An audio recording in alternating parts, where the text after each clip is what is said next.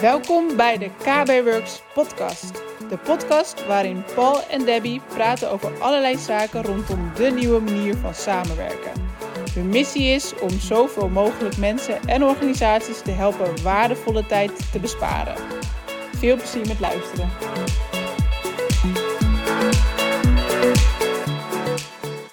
Welkom bij deze nieuwe aflevering weer. Het is meivakantie en het is vrij rustig aan het front. Ja, er gebeurt heel weinig. Ja, er gebeurt weinig. En het gekke is, het was ook nog maandag Koningsdag. Maar het is gewoon helemaal ontschoten. Er was ook heel weinig te doen. Ja, we hadden nog een klein foutje gemaakt in de agenda. Ja, een internationale klant die uh, wilde trainingen en wij uh, mooi op maandag de training gegeven. Waarbij we later erachter kwamen dat het Koningsdag is. Nou ja, het is gewoon een gekke periode. Ja, ik bedoel, er was toch weinig te doen buiten. Uh, al moet ik zeggen dat je links en rechts toch wel een feestje hoorde. Ja, ja, ja. we zitten hier aan het park. En uh, het was natuurlijk best wel mooi weer. Dus je zag toch wel inderdaad wel uh, kleine feestjes. Nou, feestjes, maar wel gezellige bijeenkomsten. Ondanks dat het natuurlijk niet mag. Ja, inderdaad. Dus. Maar ja, weinig aan nieuws aan het front. En daar bedoelen we ook mee weinig updates. We verwachten eigenlijk wel een beetje de update om drie keer drie schermen te zien tijdens de vergadering. Op dit moment zie je natuurlijk max vier schermen. En er is heel veel vraag geweest naar meer, um, dat je meer personen kan zien tijdens je vergadering. Maar het is een beetje afwachten. Het zou in april gebeuren, maar we zijn er nu al op de 29ste. Ja, nog een paar dagen. Ik verwacht wel echt dat die deze week nog uitgerold gaat worden. Maar ja, dat is ook... Uh, geef ze nog twee dagen. Ja, dat is afwachten. En een belangrijk detail van die uh, 9 bij 9 is trouwens dat... 3 bij 3. Uh, 3 bij 3, sorry. dat is dat uh, op het moment dat je bandbreedte niet zo uh, groot is, dus je hebt niet zo'n grote snelheid op internet, dan wordt in plaats van 3 bij 3, wordt die toch weer teruggezet naar de bandbreedte die je hebt. Dus je kijkt ook echt naar je bandbreedte. Oké, okay, maar dan ga je gewoon minder personen zien? Ja, dan zie je minder personen om de kwaliteit van, de, van je call te verbeteren. Ja, want anders krijg je weer dat iedereen zijn scherm uitzet en dat wil je toch eigenlijk niet. Precies. En straks, uh, ja, de update die daar achteraan komt, uh, alleen de tijd, dat is onbekend, maar is dat je dus echt wat meer mensen weer gaat zien. Zit daar een limiet in? Ik heb geen limiet gehoord. Ik vraag me af of dat ze überhaupt een limiet daarin gaan zetten.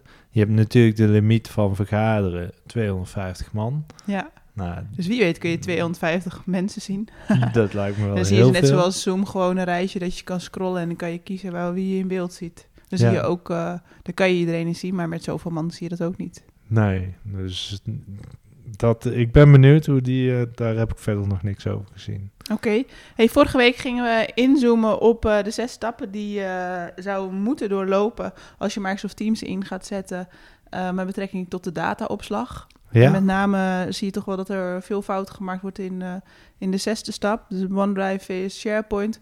Maar ook over de andere moet goed nagedacht worden. En je ziet gewoon dat al de zes stappen toch in verbinding staan met elkaar.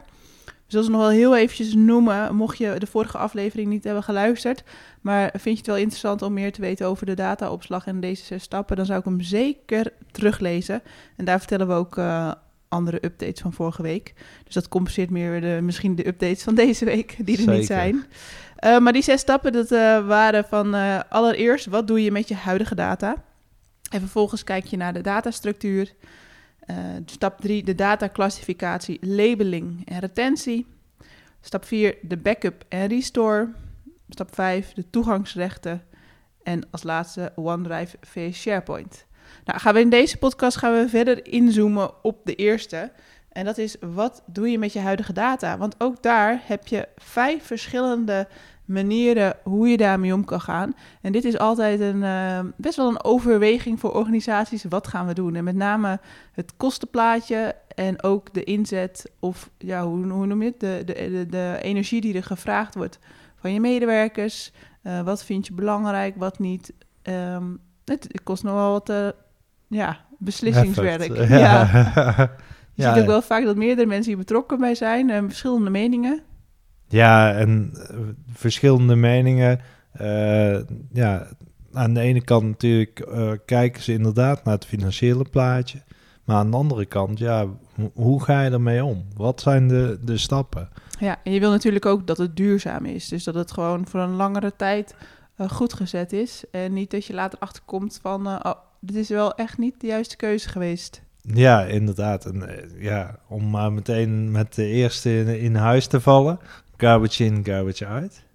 Ehm, dan vraag je misschien af van wat zou dat zijn? Eh, dat betekent letterlijk dat je je data van je fileshare één op één kopieert naar eh, de nieuwe Office 365 omgeving of Teams, SharePoint. Dus daar zet je het in één keer overheen. Ja, en wat zijn de nadelen daarvan? Eh, onder andere de filelengte. Bijvoorbeeld als je bestanden hebt die een padnaam langer hebben dan 400. Eh, en we kennen genoeg mensen die hun hele metadata, dus eh, onderdeeltjes van hun filenaam, erin zetten, waardoor dat het een hele lange bestandsnaam wordt. En dan nog eens in eh 10, 20 folders naar beneden. Ehm, dus daar, daar, daar zit dat in. En de andere waar, waar je ook rekening mee moet houden is op het moment dat je één op één kopieert en je zou dat zelf doen, dus zonder tooling te gebruiken, ehm, dan ben je één je eh, creatiedatum kwijt. Dus stel ik maak een bestand dat is nu van eh, 2015 ehm, en of het bestand was van 2015, ik kopieer hem dan is het bestand nu ineens van 2020. En als ik daar later eh, op wil filteren van, ja, ik wil eigenlijk alle bestanden die ouder dan 7 jaar eh, zijn weg, ja, dan, eh, dan zal alles naar 2020 zijn. Ja, dat is al een behoorlijke uitdaging ook als je documentenbestanden moet bewaren voor een x aantal jaar. Er zijn natuurlijk heel veel organisaties die dat moeten doen. Als je dan je data verliest, dan is het behoorlijk lastig filteren van wat mag weg, wat mag niet weg. Ja, en dat is dan eentje, maar ook een andere, eh, en dat geldt zeker bij wat grotere organisaties, daar zit ook nog de creator in, dus eh, de auteur van het bestand. En op het moment dat jij dat bestand gaat kopiëren en je bent niet die auteur, dan krijgt het, de bestand krijgt een nieuwe naam van de auteur. Dus eh, stel Wordt het is diegene dan die dat doet, krijgt hij de naam? Ja, dus eh, stel eh, ik heb een bestand ooit in 2015 gemaakt. Er staat eh, netjes Paul Keizers in. En ik denk, ik doe garbage in, garbage out. Ik pak alle bestanden en ik gooi het in SharePoint. Ja, en dan staat er dus datum eh, 29 april 2020. En daar staat Debbie van der Meijen. Ja, ja. Ja. dat is niet handig. Wordt deze nou veel gebruikt? Garbage in, garbage out? We zien heel veel organisaties die dit toch toepassen. Ehm, en eh, eigenlijk meestal zonder dat ze weten dat het, dit het gevolg is. Oh ja, balen. Dus, Dan kun je niet meer eh, terug. dan kun je niet meer terug. En daarnaast, op het moment dat je die garbage in, garbage out doet, dan zijn er natuurlijk vroeger, eh, deed je bestandsnaam 1 en bestandsnaam 2, eh, bestandsnaam 3. Dus er werden allerlei versies gemaakt. Ehm, ja, ga je al die versies meenemen naar, eh, naar de cloud. Dus eh, je gaat heel veel data, je schoont niks op. Je, nee. het is wel heel mooi dat je je archief hebt. Want eigenlijk is het gewoon je archief dan. Alleen het is wel een archief wat ineens van datum en naam is veranderd. Ja, precies. Ja, en dan, al, dan kom je eigenlijk al bij de tweede stap. Dus wil je nou wel al je data meenemen? Wil je nou wel al je data meenemen? Ehm, maar je wil niet dat de, de datum verloren gaat of de naam van eh, de creator. Dan kun je ook een migratietool gebruiken, bijvoorbeeld van AvePoint. Ja, bijvoorbeeld van AvePoint. eh, die, die hebben een tool om te migreren. En er zijn er natuurlijk nog meer. En Microsoft heeft zelf ook een tool inmiddels. die heet Mover. Ehm, maar die heb je dan nodig. En eh, zeker bij zo'n tool zoals AvePoint of eh, een ShareGate, daar kun je eh, een mapping maken. En het is natuurlijk wel belangrijk dat je per afdeling gaat kijken van welke data gaan we meenemen. Dus je wil wel eigenlijk al op voorhand vragen of gebruikers gaan kijken welke data is voor jou nog belangrijk. Ja. En ook met dit dan heb je natuurlijk wel een investering voor de tool. Ik denk qua ehm, voordelen van die migratietool ten opzichte van garbage in, garbage out, dat dat eigenlijk nog wel meevalt. Eh, en je migratie eh, kost denk ik voor qua eh, energie meer tijd dan natuurlijk ook garbage in, garbage out. Dus dat zijn de twee dingetjes die dan ehm, toch wat, ja, wat je meer moet doen of meer van je vraagt dan stap 1. Ja, alleen je weet in ieder geval dat de data goed is overgezet. En eh, dat, ik denk dat de, de value die je daar eh, uithaalt, die, die, die is mega hoog vergeleken bij Het- de eerste stap. Ja, het is het zeker waard om een eh, migratietool te gebruiken. En dat zie je ook wel veel in de praktijk. Dat als je toch je data wil meenemen, dan eh, ja, is dit gewoon een hele fijne methode. Ehm dan komen we op stap 3, dat is de folders en metadata. De keuze van ga je met folders werken, ga je met metadata of doe je een combinatie ervan. Ja, dus eh, wat je natuurlijk in Microsoft Teams ziet, en dan hebben we hebben het specifiek over Microsoft Teams, is dat er een soort bibliotheek, een eh, documentenbibliotheek noemen we dat, waarin dat, eh, dat is eigenlijk een container waar alle bestanden in staan. En ehm, Microsoft Teams maakt daar voor ieder kanaal maakt hij een foldertje aan. En daar zou je eventueel nog metadata aan mee kunnen geven. Moet je wel rekening houden dat die metadata over, de hele, eh, over het hele team eh, gaat. Dus het is niet zo dat je op één kanaal zegt: Ik heb hier metadata over een, eh, een remmetje van een fiets bijvoorbeeld. En in mijn andere kanaal heb ik die metadata niet nodig, want daar gaat het over de fiets zelf. Eh, ja, dat gaat niet. Nee, je zou altijd die metadata moeten invullen. Ja, ja. En ehm, mocht je niet helemaal weten wat metadata is, we hebben ook e- eerder een, eh, een aflevering eh, gemaakt en dan hebben we het specifiek over metadata in Teams, omdat dat net was uitgerold. Maar metadata is heel, ehm, is heel fijn als je makkelijk je wil zoeken in je bestanden. Je kan zoeken op categorieën en daardoor is het makkelijk om te filteren. Ja, en eigenlijk wat ik net zei, hè, van als je lange, een, mensen maakten vroeger een lange bestandsnaam waar alle beschrijving in stond. Eh, ik noem maar iets, het was een giant fiets, die was zwart en eh, 21 inch. Eh, ja, dat is eigenlijk allemaal metadata die je dus los in kolommen zou kunnen zetten. Ja, dat je de grootte doet, de kleur, merkfiets, dat zijn allemaal dan je kolommen. Ja, en het voordeel van metadata is dat je daar eh, makkelijk op terug kunt zoeken. Ehm, het nadeel van metadata is voor de invoerder, want die moet eh, extra velden invoeren. Ja, ja, het kost ook weer meer tijd. Het is ook wel een afweging. Eh, metadata is natuurlijk ideaal als je het gebruikt. Moet je het allemaal zelf die metadata gaan doen, dan is het ook bij elke bestand wel weer een, eh, een inspanning om dat te doen. Dus ook dit is weer, vraagt weer een goede afweging van hoe ga je het inrichten. Nou, dan hebben we nog voor eh, de migratie eh, stap 4, daar kun je nog kiezen eh, in read-only. Wat houdt dat in? Ja, wat je dan doet is eigenlijk zorg je dat je mensen in eerste instantie geüpdate worden en getraind zijn in Microsoft Teams.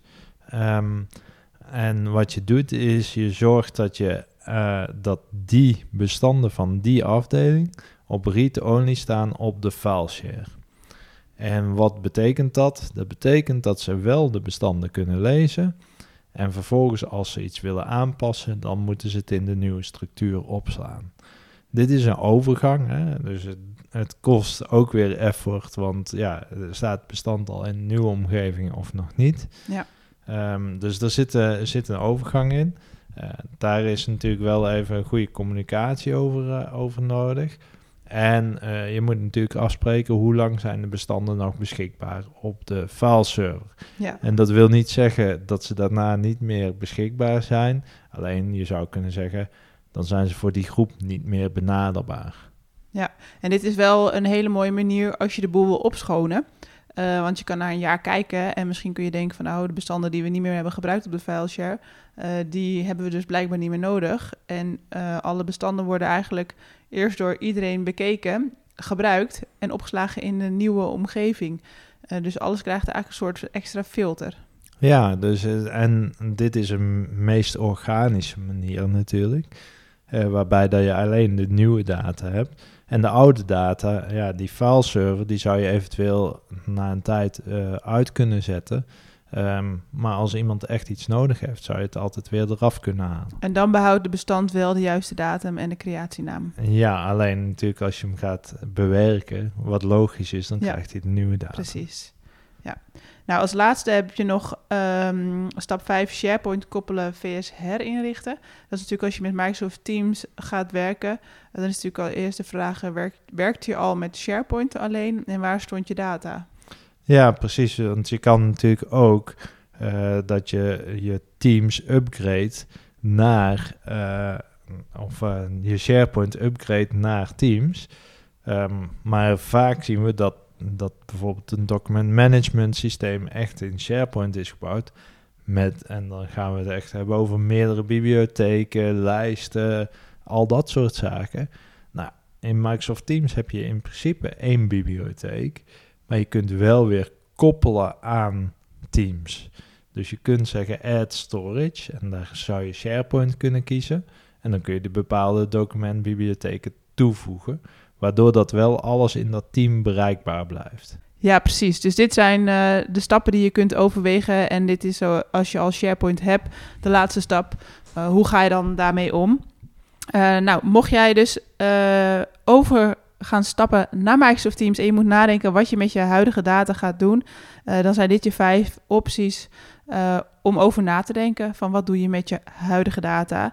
Nou, vond je deze podcast tof of vind je überhaupt onze podcast tof? Laat het ons weten. Geef een eh, review of laat het ons weten in een comment. Eh, verder heb je vragen of hulp nodig bij, eh, bij rondom de dataopslag, bij het inzetten van Microsoft Teams op andere zaken. En dan willen we je daarbij zeker helpen. We bieden daarvoor een assessment aan in eerste instantie. Dan gaan we met jou één uur lang een deep dive maken binnen jouw organisatie en situatie. En kijken we naar de verschillende zaken rondom Microsoft Teams, SharePoint, OneDrive. Eh, eigenlijk de stappen die je zet rondom slimme digitaal samenwerken. Dus vraag die vooral aan, dan eh, brengen we jou direct eh, op weg, geven we concreet advies en een plan. Ehm, en verder zien we je graag volgende week. Ja, zeker. Dit was de KB Works podcast. Leuk dat je erbij was. Wil je meer over ons weten of over KB Works? Bekijk dan onze website op kbworks.nl of volg ons op een van onze socials. We vinden het tof als je een review schrijft over deze podcast. Wil je ook video's van ons zien? Abonneer je dan op ons YouTube kanaal. Daar plaatsen we wekelijks nieuwe video's over deze onderwerpen.